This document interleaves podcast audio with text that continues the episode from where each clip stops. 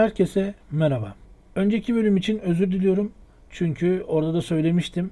İki oyun arasında kayıt yetiştirmeye çalıştım ve böylece daha önceden planladığım haftada iki bölümlük o programa kendimi uydurmayı başardım. Ee, şimdi bu bölüm büyük ihtimalle uzun bir bölüm olacak. O yüzden e, aşağıya açıklamalara timestamp ne diyelim e, vakit damgası yerleştireceğim için başlıktan başta rahatlıkla atlayabilirsiniz. Şimdi e, konudan önceki başlığımız bu Patreon mevzularıyla alakalı. Çünkü birkaç soru geldi. Şu kayıtta böyle uzunlamasına anlatıp artık yani soru sorulmayacak noktaya getirmek istiyorum. Tabi yine aklınıza gelen ve kayıtta anlatmadığım şeyler varsa istediğiniz gibi sorabilirsiniz. Ancak hani aklınıza takılan şeyler ha tamam burada anlatmış densin istiyorum. Umarım yeteri kadar açıklayıcı olurum. Şimdi e, ilk önce şeye değinmek istiyorum. Mesela bir arkadaşımız demiş ki işte ben şey yapsam e, işte üye olsam şey e, 6 dolarlık Patreon tier'inden alsam kaç tane senaryo elde ederim demiş. Şimdi bu yani merakından sorduğunu düşünüyorum. Ancak biraz e, şey var bu Patreon mevzularında falan takılan kişilerin bazen yaptığı bir takım çakallıklar var. Onları da başta hani bildiğimi söyleyeyim. Şimdi Patreon mevzusunu ben şöyle güzelce bir şekilde açıklamak istiyorum. Öncelikle şöyle bir durum var. Patreon bir N11 gibi ya da hepsi burada.com gibi ya da Idefix gibi Idefix daha doğru bir örnek olacak sanırım. Bu arada nedense sürekli sokaktan böyle bir araçlar geçiyor, bir insanlar geçiyor. Ya ben ne zaman kayıt alsam bak istisnasız böyle sabaha karşı dörtte falan alayım bu sefer bangır bangır müzikle geçerler. Neyse. Ee, ne dedik? İşte N11 gibi ya da hepsi burada hatta Idefix gibi bir site değil. Orada sen belli bir ürün var onu almak istiyorsun. En uygunu neredeyse oradan alıyorsun. Burada başka bir durum var. Patreon içerik üreten kişileri destekleme platformu. Yani sen herhangi bir e, tier'de beni desteklediğin zaman benim yaptığım işe maddi bir e, katkı sağlamak e, durumunda oluyorsun. Bütün mevzu bu. Yani ben herhangi bir şey oraya paylaşmasam dahi bu e, sitenin amacı beni e, desteklemek. Ama şöyle bir durum var. Şimdi orada sonuçta belli meblalar var ve bunlar dolar üzerinden ve bu işte insanların biraz gözünü korkutan bir şey. Mesela 10 dolar var. 10 dolar dedin 70 lira belki 75 lira falan hatta dolar değiştikçe e, artan bir değer. Mevzu şu. Sen bana destek veriyorsun ya. Ben de bu e, destek için verdiğin para böyle rastgele evinde oturan bir adamın cebine he, haybeden böyle beleşe gitmiyor. Bunu göstermek için bazı şeyler yapıyorum. Yani aslında bu podcast serisi de bunun bir örneği. Ee, YouTube kanalında yayınlanan videolar da bunun örneği. Yayınlar da bunun örneği.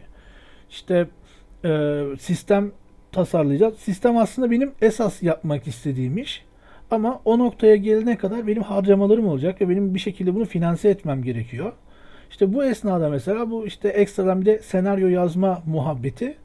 Bu da aslında size vermek istediğim fiziksel bir somut somut örnek. E, fiziksel bir somut örnek dedim değil mi ben?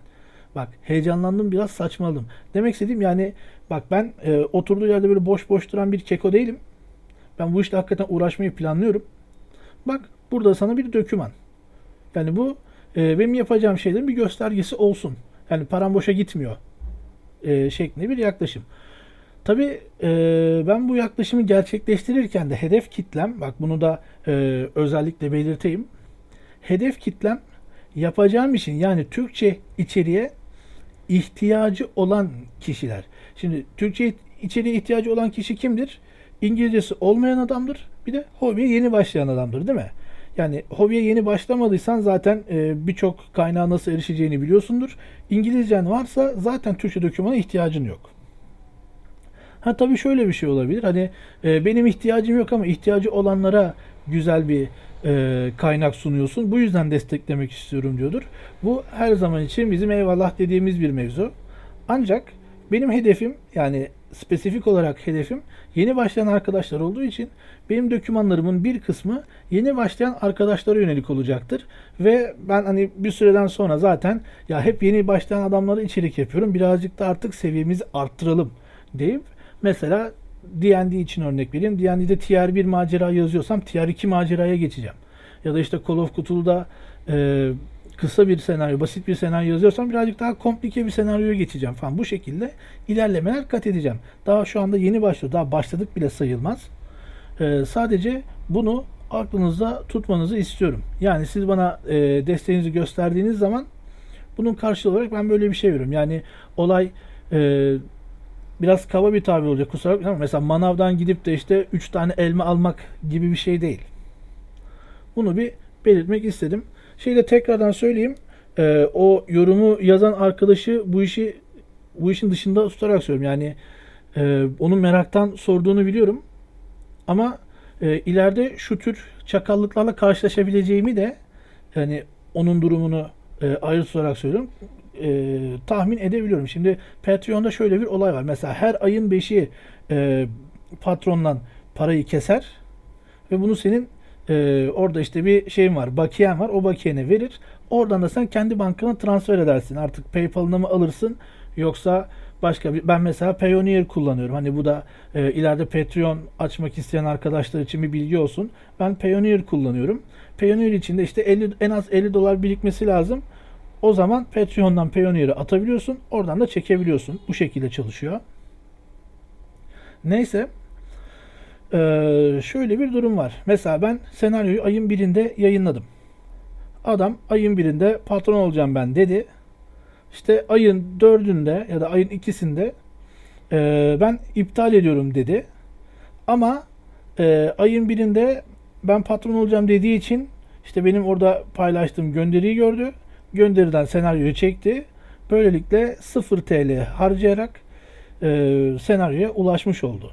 Yani bu işin çakallığı. Çünkü dedim ki ben burada ürün satmaya çalışmıyorum. Ürün satmaya çalışsam zaten bunu yapamazsın. Direkt e, böyle anında parayı çeker. Ondan sonra da e, ürünü alırsın. Zaten dijital bir şey. Yani sana link falan gelir, bir şey gelir. O şekilde alırsın. Şimdi böyle bir çakallıkla karşılaşırsam harcadığım emeği korumak adına farklı bir metot kullanabilirim ki bunun içinde hani en en şey hani en zor durumu herhalde en kötü senaryoda şey olur. E, ben gönderi içerisinde IBAN paylaşırım. Derim ki bunun içine işte sen mail adresini yazacaksın. Şey yapacaksın. E, başına da işte mesela senaryo yazacaksın. Ya da işte doküman sayısı neyse bak o da olabilir. E, dokümanları çünkü baya böyle sıralı bir şekilde sayıyla çıkaracağım. Mesela bu ilk yayınlayacağım 01 olacak. Hatta 001 olacak. İşte e, ona göre senden para geldiği zaman ben sana direkt mail olarak link atacağım. Böylelikle dosyaya ulaşabileceksin falan. Bu tarz bir şeye de dönüşebilir de bu yani çok kötü bir senaryo. Ya onun yerine hani Patreon'dan destek vermek isteyen arkadaşlar destek versin. Ben de karşılığında senaryoları paylaşayım daha iyi. Yani e, bir işe girerken hani o işin olurunu, olmazını, işte metodunu falan biraz araştırmak, bilmek gerekiyor. Ben de e, bu tarz şeyleri başka e, takipçilerden daha önceden görmüş olduğum için, daha doğrusu Patreon üreticileriyle takipçiler arasındaki mevzulardan görmüş olduğum için bu tür şeylerin bilincindeyim. Ve hani belki bir ya da iki kere müsamaha gösteririm. Ondan sonrasında göstermeyeceğim tabii ki. Çünkü ya gerçekten bu e, emek mevzusu. Yani ben mesela şu anki hani biraz basit bir tasarımda PDF ama o basit tasarıma gelmek için 30 tane şey denedim. Sonuçta benim işim tasarımcılık değil, benim işim senaryo yazmak. O yüzden e, böyle bir durum söz konusu. Yani e, Patreon dediğimiz mevzu bu şekilde çalışıyor. E, sizin destekleriniz tabi nereye gidecek? Biraz ondan da bahsedeyim. Şimdi biliyorsunuz bir tane sistem kitabı çıkaracağız. İsmi Karanlık Dünya. En azından daha e, iyi bir isim bulana kadar böyle olacak. Burada işte şey yorumu aldım ben. Abi karanlık dünya dediğin işte World of Darkness'a çok benziyor falan filan. Hayır, Dark World. Yani İngilizce olsa ismi Dark World olurdu. Onun yerine Karanlık Dünya Türkçe ismi. Neden? Çünkü dark fantasy temalı bir şey. Çünkü sistem sizi bazı şeylere zorlayacak. Hatta sistemle ilgili benim yazacağım senaryoların bir kısmı direkt artı 18 olacak. Çünkü içerisinde cinsellik içerecek, ağır şiddet içerecek, e, psikolojik şiddet içerecek. Yani bunlar e, güllük gülistanlık bir dünyada gerçekleşecek şeyler değil. Sen settingini ne yazarsan yaz bir karanlık tarafı olmak zorunda kalacak sırf sistem yüzünden. Ee, böyle bir şey olacağı için yani bir derinliği olacak. Neyse o ayrı bir mevzu da şey diyelim hani bunun mesela artworkleri gerekecek. Ne bileyim işte sayfa tasarımı gibi şeyler gerekecek. Ee, dediğim gibi ben tasarımcı değilim. Ben içeriği üreten kişiyim. Yani süsleyen kişi değilim. Bu yüzden destek almam gerekebilir. Şimdi işte yavaş yavaş de, demiştim hani InDesign'ı kendi çapımda biraz öğrenmeye çalışıyorum ama yani zaten yıllardır InDesign kullanan bir adam benden kat kat öndedir. Ve benim e, mesela 2 ayda 3 ayda yapamayacağım tasarımı büyük ihtimalle birkaç günde rahatlıkla yapabilir. E, bana bu şekilde e, bir şey sağlayacak kişiye de karşılığını ödemem gerekir. Yani o adam benim için tasarım yapacak ve ben de bunun bedelini ödemeliyim. Sıfır sermaye ile bu işi yaptığım için de e, şöyle bir durum var. Benim biraz e, maddi bir destek almam gerekiyor. İşte bu yüzden Patreon gibi bir şeye giriştim. Yani sizin desteklerinizle kitabın hem telif mevzusu hem işte e, iç tasarımı ile alakalı şeyler bunların hepsi bir arada gerçekleşecek. Eee bunun dışında tabii başka şeyler de var. Yani ben sadece size işte Arolen senaryo şeklinde e, bu olayı bırakmıyorum. Bunun dışında bazı hedefler var. Hedeflerin bazıları e, gelen bağışların miktarıyla yani daha sonra desteklerin miktarıyla e, bir kısmı da destekçi sayısının miktarıyla artan şeyler. Şu anda e, destek miktarının artmasıyla alakalı yani belli bir düzene gelmesiyle alakalı olarak iki tane planım var. Bunlardan ilki e, ayda bir yeni sistem tasarımı şey pardon tasarımı demişim değil mi? Şey, yeni sistem tanıtımı diyecektim. Ee, sanırım buraları kesemeyeceğim çünkü çok böyle e, hızlı ve iç içe konuştuğum için e, orayı kesmeye düzeltmeye çalışsam biraz kötü duracak. O yüzden orayı öyle hatalı şekilde bırakacağım. E, tekrardan düzelteyim. Ayda bir sistem yeni bir sistem tanıtımı videosu e, ya da video serisi artık e, ne şekilde zaman ayırabilirsem. Mesela birkaç günde böyle 2-3 günde çekerim onu parça parça bölüp e, haftalık olarak yayınlayabilirim. O tarz bir şey olabilir. Neyse işte yani yeni bir sistem tanıtmaca. Bir de bu konuyla alakalı bir şey birazdan e, ayrı bir başlıkta söyleyeceğim. E, ikinci olarak da şey var yine bundan bir üst seviyede. Ayda bir e, patronlarla oyun. O da işte yine müsait olduğum zaman aralığına denk gelirse ve o sürede kimin ne kadar müsait olduğuna bağlı olarak yani şöyle bir durum var. Mesela hafta sonu en çok insanların müsait olduğu dönem ama hafta sonu akşamı ücretli oyunum var. Ee, şey cumartesi akşamı ücretli oyunum var. Pazarda gün içi ücretli oyunum var. Yani ya cumartesi gün içi ya da pazar akşam vaktine e, kaydıracağımız bir e, oyun tecrübemiz olabilir birlikte. Tabi bu durumda işte 20 dolarlık tierden e, şey yapanlar, destek olan arkadaşlar e, bir tık öne geçecekler. Çünkü o adam artık koltuğu sabitlemiş olacak.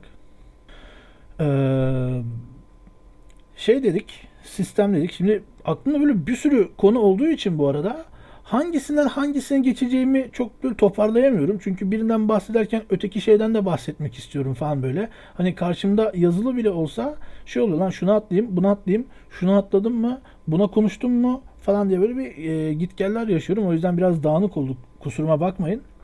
Şey diyecektim. O biraz önce dediğimiz işte e, sistem tanıtımı ile alakalı şöyle bir şey söyleyeceğim. Galiba telefonumun bildirim sesi bile artık e, podcast'imizin bir parçası oldu. Neyse e, podcast'lerde yeni sistemlerle alakalı böyle 5 dakika 10 dakika yani sistemi böyle oturup da anlatmayan ama yani e, şöyle kullanılır böyle kullanılır diye anlatmayan ama sistemin ne olduğuna dair böyle 3 aşağı 5 yukarı bilgiler veren e, başlıklar ister misiniz? Yani isterseniz bunu e, yani az önce bahsettiğim şeyin daha küçük bir versiyonu olarak e, podcast'e ekleyebilirim. Mesela bu sayede şey olur. E, anlattığım şeylerden ilginizi çeken bir e, sistemin tanıtımını yaparım falan. Bu tarz bir şey olabilir mesela. Bak e, sürekli ürettikçe üretesim geliyor. Neyse. Şimdi anlattıklarımı toparlamam gerekirse şöyle çok hızlı bir şekilde toparlayacağım. Patreon dediğimiz olay e, senaryo satın almak için değil bana yani ister işte Drakonizm adı altına ister direkt şahsıma Ekin Ergün olarak e, sizin destek vermeniz ve benim bunun karşılığında verdiğiniz desteğin boşa gitmediğini e, göstermek mahiyetinde e, size işte senaryolar vesaireler e, yayınlamam şeklinde çalışan bir platform. Bu hani Idefix gibi bir şey değil. Ürünü anında satın alma durumu değil. Bu e, içerik üreten kişiyi destekleme platformu. Bunu tekrardan bir vurgulamak istiyorum. Şimdi e, bundan sonra birkaç ulan telefonun hemen e, sesini kapatıp geri geleceğim. Sesini kapatıp geri geldiğimde de e, şeye geçeceğiz. Esas konuşacağımız mevzulara geçeceğiz. İki tane bombe gibi başlığım var. Geliyorum. Evet, e, geri geldim ve ilk başlığımla karşınızdayım. İlk başlığımız D&D Celebration sonrası. Neden sonrası? Çünkü biliyorsunuz bahsetmiştim e, Cuma günkü podcast. Sanırım 11. bölüm podcast oluyor. 11. bölümde bahsetmiştim. 3 gün boyunca sürecek olan bir D&D etkinliği var. Ve bu etkinlik e, D&D'nin Twitch kanalında da yayınlandı.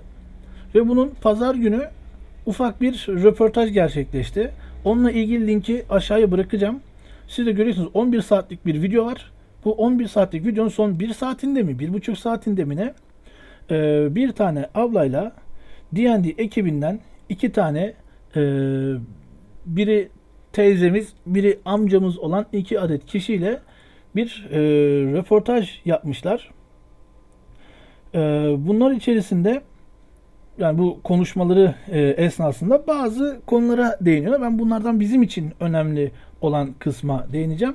Çünkü yani gerisi biraz e, geyik falan filan.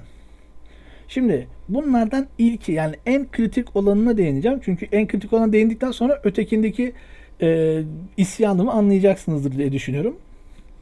Şimdi e, videodaki ortadaki ablamız şey soruyor. Diyor ki ya siz şimdi e, D&D'nin geleceği hakkında ne düşünüyorsunuz? Yani ileriki ürünlerinizde ne tür planlarınız var? Yani bundan işte bir sene sonrasında ya ne bileyim beş sene sonrasında çıkaracağınız şeylerle ilgili ne düşünüyorsunuz diyor. Ve bu noktada e, Ray abimiz lafa giriyor ve diyor ki biz bundan sonraki bütün içeriklerimizi böyle casual oyuncular için, mainstream oyuncular için yapacağız diyor. Yani ha siz Dungeons and Dragons mı? Ya ben onu bir tane Twitch kanalında görmüştüm. Ee, nasıl şey katılabilir miyim ben de? Tamam. Ee, ne yapıyoruz şimdi zar mı atıyoruz? Tamam o zaman ben kapıyı kırıyorum. Şeklinde e, oynayan insanlara yönelik içerikler yapacaklarmış. Yani e, benim gibi ya da işte sizin bir kısmınız gibi yani ben daha fazla şey öğrenmek istiyorum. Hani D&D'nin evet e, bir sürü farklı versiyondan geçti. Bir sürü romanı çıktı. Yani ben bunların içerisinde daha böyle genel oyununda kullanabileceğim bilgiler istiyorum diyen arkadaşlar için maalesef artık o kapı sanki tamamen kapanmış gibi gözüküyor. Yani bu beni gerçekten yani sinirlendirdi. Çünkü şöyle bir şey var. Yani D&D dediğin olay yani 50 yıldır herhalde evet 50 yıldır var olan bir şey. Ve bu sadece hani tek bir oyun, tek bir oyun sistemi şeklinde değil. Bunun işte romanları olduğu, board game'leri olduğu, çizgi romanları olduğu, başka hani insanlar kendileri alternatif bir şeyler yazdı. Firmanın içindeki insanlar kendi settinglerini oluştururlar. Bunların bir kısmı yayınlandı, bir kısmı sanırım yayınlanmadı ama içindeki bazı elementler e, diğer şeylere yayıldı. Sonra bunların içerisinden bu yayınlanmış olan settinglerin içerisinden bazı şeyler artık ortak olarak ele alınarak e, sistemin genel kuralı, genel içeriği haline dönüştü. Yani bir sürü şey oldu. Ve D&D 5th Edition'ı ben başından beri takip ediyorum. Yani sık sık takip etmiyorum. O konuda e, dürüst olmak gerekirse. Ama mümkün olduğunca e, ilgimi çeken bir şeyler duyurduklarında açıp bakıyorum ne var ne yok diye. Ve e, kitapları olarak da bak hiçbir sene yani Horde of the Dragon Queen dışında hiçbir senaryo kitabını almadım. Ama genel D&D kurallarını içeren bütün kitaplarını aldım. Aynı şekilde Taşa'yı da satın alacağım. Bundan bahsetmiştim. Ee, bunun, yani genel bütün kurallar elimde e, resmi olarak durmakta ve şöyle bir şey var. Yani bunların içinde çok az şey var. Gerçekten hani mesela kitap böyle 200 sayfa ne bileyim 100 sayfa 150 sayfa ama içinde gerçekten çok az şey var. Mesela magical item sayısı gerçekten çok az. Bunun dışında e, alternatif metotlar mesela büyü yaratma konusunda anlatılan şeyler ya da ne bileyim işte büyülü eşya yaratma konusunda anlatılan şeyler bunların hepsi çok az. Hatta bunları geçtim bak daha önemli bir şey var. Plane'lerle alakalı bilgiler gerçekten çok az. Yani Dungeon Master's Guide'da e, plane'lerle alakalı bir bölüm var ve bu bölümde her plane'e bir paragraf belki işte 2-3 paragraf maksimum değinmişler ve bitmiş. İşte birkaç tane genel özellik saymışlar ve bitmiş. Bu kadar. Yani o plane'de ne bileyim ne tür yaratıklar var, ne tür yerleşim birimleri var, e, ne tür bölgeler var, kendi içinde ne tür bölgeler var, ne bileyim e, o plane mesela bir şehir kadar mı, e, bir kıta kadar mı, yani çok geniş bir yer mi, küçük bir yer mi, e, ne bileyim işte diğer plane'lerle olan etkileşimi nasıl, yani o konuyla alakalı bir ethereal plane, bir astral plane ile ilgili bir doğru düzgün bilgi var. Onun dışında hiçbirinde doğru düzgün bilgi yok ve çok az bilgi var. Yani yaratıklarla ilgili ya da işte o e, plane'in habitatı ile ilgili en fazla bilgiyi Modern Canaan's e, Tomb of Foes kitabında işte cehennem konseptiyle öğrendik. O da yani kimin neresine ne kadar yeter soru işareti. Yani bunun dışında ne bileyim bir tane şey yap. Elemental Plane kitabı yap. Bütün elemental plane'leri, ara elemental plane'leri, işte e, elemental plane'lerle diğer plane'ler arasındaki bağlantıları, etkileşimleri anlat. İşte bazı araya mesela küçük hikaye parçacıkları yerleştir, lore olarak kullanabilelim. Ne bileyim işte e, elemental'larla alakalı birkaç tane subclass ekle, birkaç tane ekstra büyü ekle, birkaç tane magical item ekle, birkaç tane background ekle. Yani bizim ufkumuzu tamam biz kendimiz kendi ufkumuzu geliştiriyoruz da yani bunları da sen yapmayacaksan o zaman sen niye varsın diye insan bir soruyor. Yani ben bu işi anlamıyorum yani bu adamlar bu kadar senedir yani 50 yıldır bir sürü şey biriktirmişler. Hani e, bazı şeyleri böyle pişirip pişirip koyuyorlar ama yani böyle ucundan pişiriyorlar. Yani 5 öğünlük yani daha doğrusu bir öğünlük diyelim ya bir öğünlük yemeği böyle 8'e bölüyorlar. Bir parçasını alıyorlar bunu ısıtıp önümüze koyuyorlar. Ya bak işte sana yemek yaptım. Tam şey işte e, lüks kafelerde hani böyle bir yemek sipariş edersin. Tavan böyle ortasında böyle tatlı kaşığıyla konmuş gibi bir şey gelir. İşte üzerine biraz sos falan dökülmüştür. Bu işte bizim lö bilmem ne, dölö bilmem nemiz diye böyle bakarsın. Sonra menüdeki fiyata bakarsın. Sonra adamın suratına bakarsın. Böyle zaten adamın suratına baktığın adama böyle çok ağır küfür ettiğin anlaşılıyordur. Ama orada bir awkward silence olur. Herkes bir susar. Sonra tabağa bir daha bakarsın ve yemeye kıyamazsın. Yani çünkü o kadar para vermişsin ve karşına bu gelmiş. Aynı o durum yani. Aynı o durum.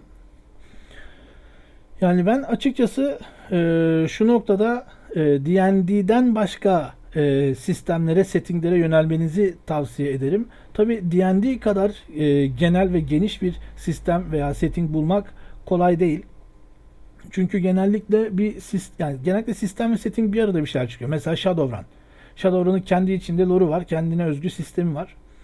Ya da işte Warhammer. Mesela Warhammer'ın da kendine özgü bir sistemi var ve kendine özgü bir lore'u var. Ama e, şu anda yani D&D'den sanki daha iyi gibi. Yani D&D'ye çok fazla bel bağlamayın. Ya da bel bağlayacaksanız da e, yeni içerik üretmelerine bel bağlamayın. Her şeyi kendiniz yapın. Bu noktada da e, oyuncu arkadaşlardan oyun yöneticisi arkadaşlara biraz güvenmelerini e, bekliyorum, tavsiye ediyorum. Çünkü yani kötü bir yani tecrübesiz bir oyun yöneticisinin çıkaracağı kötü bir içerik D&D'nin çıkaracağı yeni bir içerikten büyük ihtimal daha iyi olacak. Yani daha kötü olma ihtimali çok fazla yok gibi. Şu andaki gidişata bakacak olursak. Evet ufak bir nefes aldıktan sonra konuyla alakalı olan ikinci mevzuya değineceğim. Hala aynı başlıktayız bu arada. Ee, Celebration'la alakalı olarak. Şimdi öteki başlığımız da şu e, eski settinglerden bazılarını böyle bir canlandırabilirlermiş gibi bir e, söylenti var. Tabi bu şöyle bir durum yani bununla ilgili zaten bazı ipuçlarını daha önceden vermişlerdi. Bu röportajda da sanırım bunu biraz desteklemişler. Ancak e, bu kafa yapısındaki adamlar bize hangi settingi ne kadar verebilir? İşte benim yaşadığım hayal kırıklığı da burada. Yani Planescape vereceksin diyelim tamam mı? Çünkü Planescape bayağı bilinen işte eskilerin sürekli övdüğü settinglerden bir tanesidir. Ki e, Planescape Torment de çok güzel oyundur. Yani içinde bir sürü e, felsefik mevzular da barındıran bir oyundur. Şimdi sen Planescape'i geri vereceksin. Yani 5th Edition'a uyarlayıp yayınlayacaksın resmi olarak. E planleri anlatmayacağım mı? Çünkü casual oyuncuya hitap ediyorsun. E, casual oyuncu da oturup böyle planleri saatlerce okumak istemiyor. Ne yapacaksın? Öyle işte şöyle şöyle planler var tam bitti. Ulan Planescape'in derinliği var ama. Yani o sadece plane varla bitmiyor iş. İşte e, orada kendi içinde aslında bir loop'a giriyor. İşte e, yeni setting olarak mesela ne ne getirecekler? Dark Sun mı getirecekler? Bak mesela Dark Sun biraz getirilebilir çünkü e, böyle post apokaliptik fantezi diye hatırlıyorum Dark Sun'ı. Alkadim var. E, Arabik fantezi. Spelljammer var. Spelljammer birazcık daha böyle e, uzay büyü fantezi kıvamında. Birazcık daha aslında e, dışarıdan bakınca birazcık daha Star Wars'a benzetebileceğim bir konsepti var. E, tabii yani Star Wars'un D&D'li versiyonu gibi. Yani D&D kurallarının geçtiği bir Star Wars değil de e, D&D'ye Star Wars skin'i eklemişsin gibi daha çok. Öyle bir konsepti var. Orada olaylar daha kozmik gerçekleşiyor. Şimdi mesela Eberron derdim. Eberron'u getirdiler ama Eberron'u tek kitapla getirdiler. Kime ne kadar yetti bilmiyorum. Ya açıp okumadım açıkçası. Eberron çok ilgimi çeken bir şey değil çünkü. Ee, Magic the Gathering settingleriyle daha fazla uğraşacaklarından bahsetmişler. Daha fazla etkileşimli olacağından bahsetmişler. Mesela ben bir Kamigawa kitabı olsa büyük ihtimalle satın alırım. Yani e, dediğim gibi bende sadece kural kitapları var. Mesela Guild Masters Guide to Ravnica yok. İşte bu bilmem ne Teros kitabı yok. E, Eberron kitabı yok. Zaten o Wild Modlar falan hani işte Critical Role'un kitabı olan aslında D&D kitabı yani D&D'nin kendi kitabı olmayan kitapları saymıyorum. Ee, yani bunları almadım ama Kamigawa'yı alırdım. Çünkü Kamigawa'nın konsepti her zaman için ilgimi çekmiştir. Yani kart tasarımları falan da gerçekten hoştu. Yani Kamigawa ne diyecek olursanız işte Magic the Gathering'in işte uzak doğu Asya e, temalı şeyi ne diyelim işte dünyası. Orada işte böyle samuraylar, ninjalar falan var. Birbirlerini destekliyorlar falan. Ya onlarla gerçekten ilginç bir oyun çıkabilir. Mesela şey vardı işte Third Edition için e, Legend of the Five Rings kutu oyununu Third Edition'a uyarlamışlardı. Oriental Adventures adı altında. Ee, orada işte böyle Rokugan savaşçısı falan olabiliyordum bayağı böyle işte ninja e, kendine özgü bir takım yetenekleri olan işte büyücü Wujen olabiliyordum falan böyle bir takım güzel seçenekler vardı ve oyuna gerçekten e, değişik bir tat veriyordu. Şimdi hani o tarz bir tadı Kamigawa ile alabilir miyim? Çok bilmiyorum. Yani bahsettikleri şu şeyden sonra yani biraz böyle bir suratım ekşidi. Yani şu an konuşurken bile suratım baya böyle katman katman oldu ekşimekten. Böyle buruştu iyice buruş buruş oldu. Yani şey gibi oldu. Ee, bu Star Wars'taki Jabba'nın göbeğinin böyle o yandaki katmanları gibi bir şey oldu suratım. Ya bunu vurguluyorum çünkü gerçekten yani e, D&D ile ilgili zaten şey var. Yeni başlayanlara D&D, yeni başlayan yeni başlayanlara D&D diye sıkılıyordum. Yani oyun oynatayım dediğimde sürekli D&D D&D denmesinden sıkılıyordum. Ya bu D&D ile alakalı bir sorun değil. Bu insanların talebiyle ilgili bir mevzu. Ancak e, artık D&D'den sıkılmam için D&D de sebep vermeye başladı ve ben bundan oldukça mutsuzluk duyuyorum. Çünkü e, her ne kadar artık böyle favorim olmayan bir sistem olsa da benim bu hobiye başlamam Dungeons and Dragons sayesinde oldu ve Dungeons and Dragons üzerinden e, içerikler ürettiğim, insanlarla tanıştım, e, hobiye olan bakış açım değişti ve gelişti. Yani bilinen bir insan olmamda en azından yani belli bir kesim tarafından bilinen bir insan olmamda D&D'nin çok büyük bir katkısı oldu. Yani bu noktadan sonra yani D&D ile tamamen ilişkimi kesmek istemezdim ama yani şartlar biraz onu gerektirmeye başlıyor gibi. Çünkü yani gerçekten sadece casual oyuncuya böyle basit e, düz içerik vereceklerse beni asla tatmin edemeyecekler. Beni asla tatmin edemeyeceklerse ben de başka şeylere bakacağım. Beni tatmin edebilecek olan içeriklere bakmayı tercih ederim. Yani size de tavsiyem kendinize gerçekten hani farklı bir sistem, farklı bir setting hatta birkaç farklı sistem veya setting e, favori olarak seçmeniz ve onlarla daha farklı maceralara çıkmanız yönünde olacaktır. Yani D&D'ye çok fazla bağlanmamanızı tavsiye ediyorum. Tabi her zaman için homebrew e, ya da third party içerikte her zaman için bir seçenek.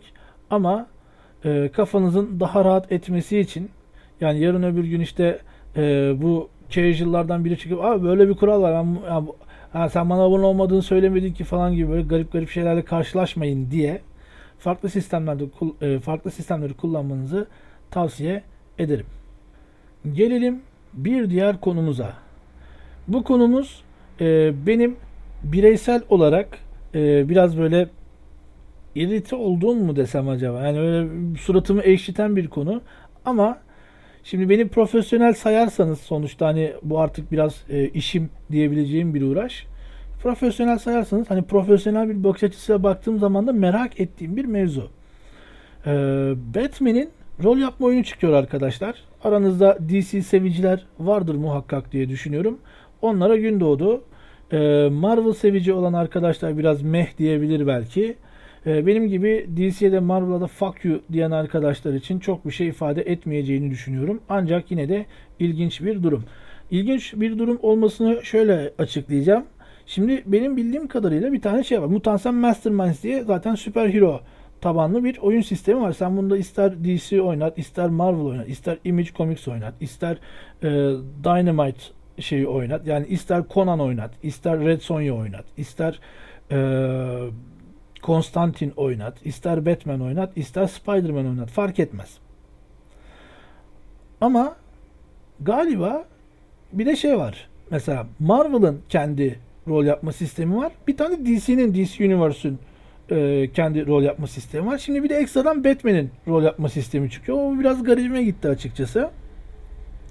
Kim tarafından çıkıyor derseniz de Monolith diye bir tane e, Fransız bir firma var. Geçen sene mi ondan önceki sene mi ne şey çıkarmışlar bunlar. Bir tane e, Batman board game'i çıkarmışlar Kickstarter üzerinden. E, adını da sanırım Gotham City Chronicles olarak çıkarmışlar. Batman e, Gotham City Chronicles olarak çıkarmışlar. Şimdi aynı ismi bir tane rol yapma oyunu çıkarmaya karar vermişler. Bunu da yine Kickstarter üzerinden çıkaracaklar.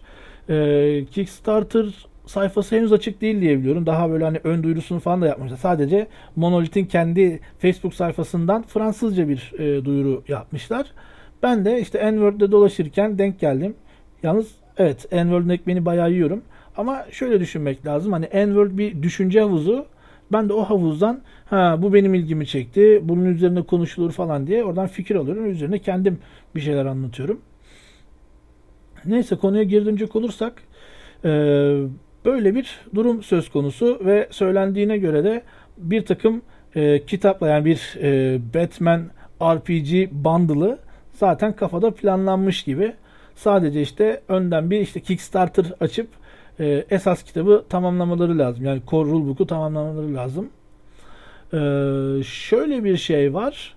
D20 sistemde olacağını söylüyorlar. Bir de böyle Fifth Edition, Fifth Edition bir şey demişler. Galiba D&D Fifth Edition'a uyarlayarak yani oradan e, üreterek bir şeyler yapacaklar gibi bir izlenim aldım. Şimdi bu noktada biraz düşünmek lazım. Yani ne kadar olur ne kadar olmaz diye.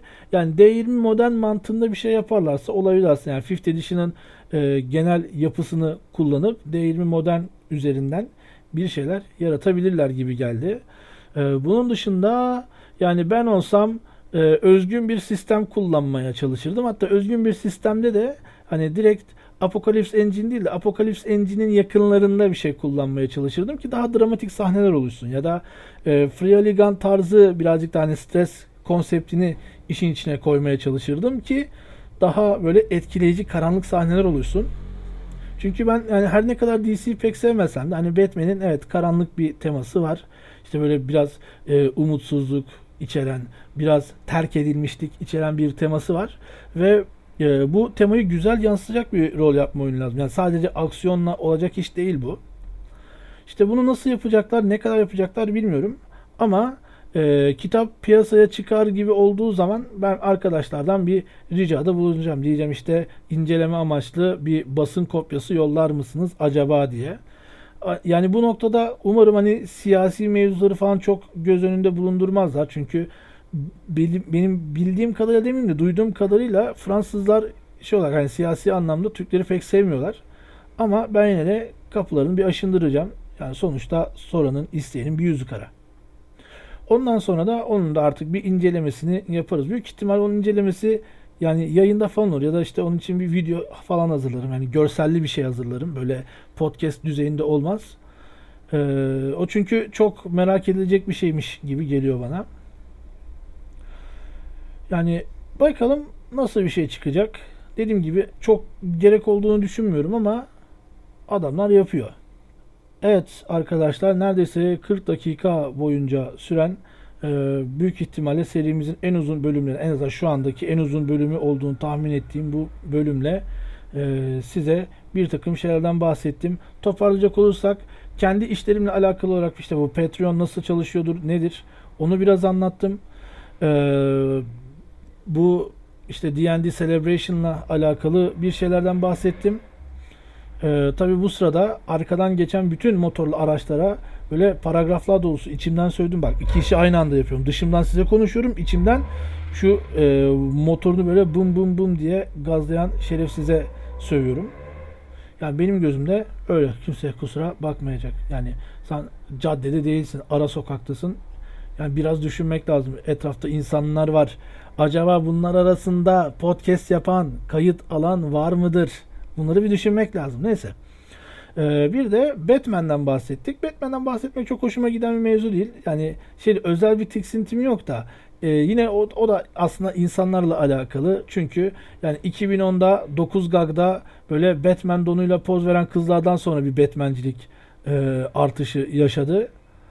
Yani sosyal medya açısından diyorum. Yani sosyal medyada görüp de Batmanci olan insanlar yüzünden aslında biraz da e, Batman'den ve DC'den soğudum ama e, yani bilmiyorum sonuçta bir şey var, bir iticilik var yani o şeyi verdi bana, antipatiyi verdi. Neyse, e, bu podcast'imizde böyle oldu. Öyleyse bir sonraki bölümde görüşmek üzere.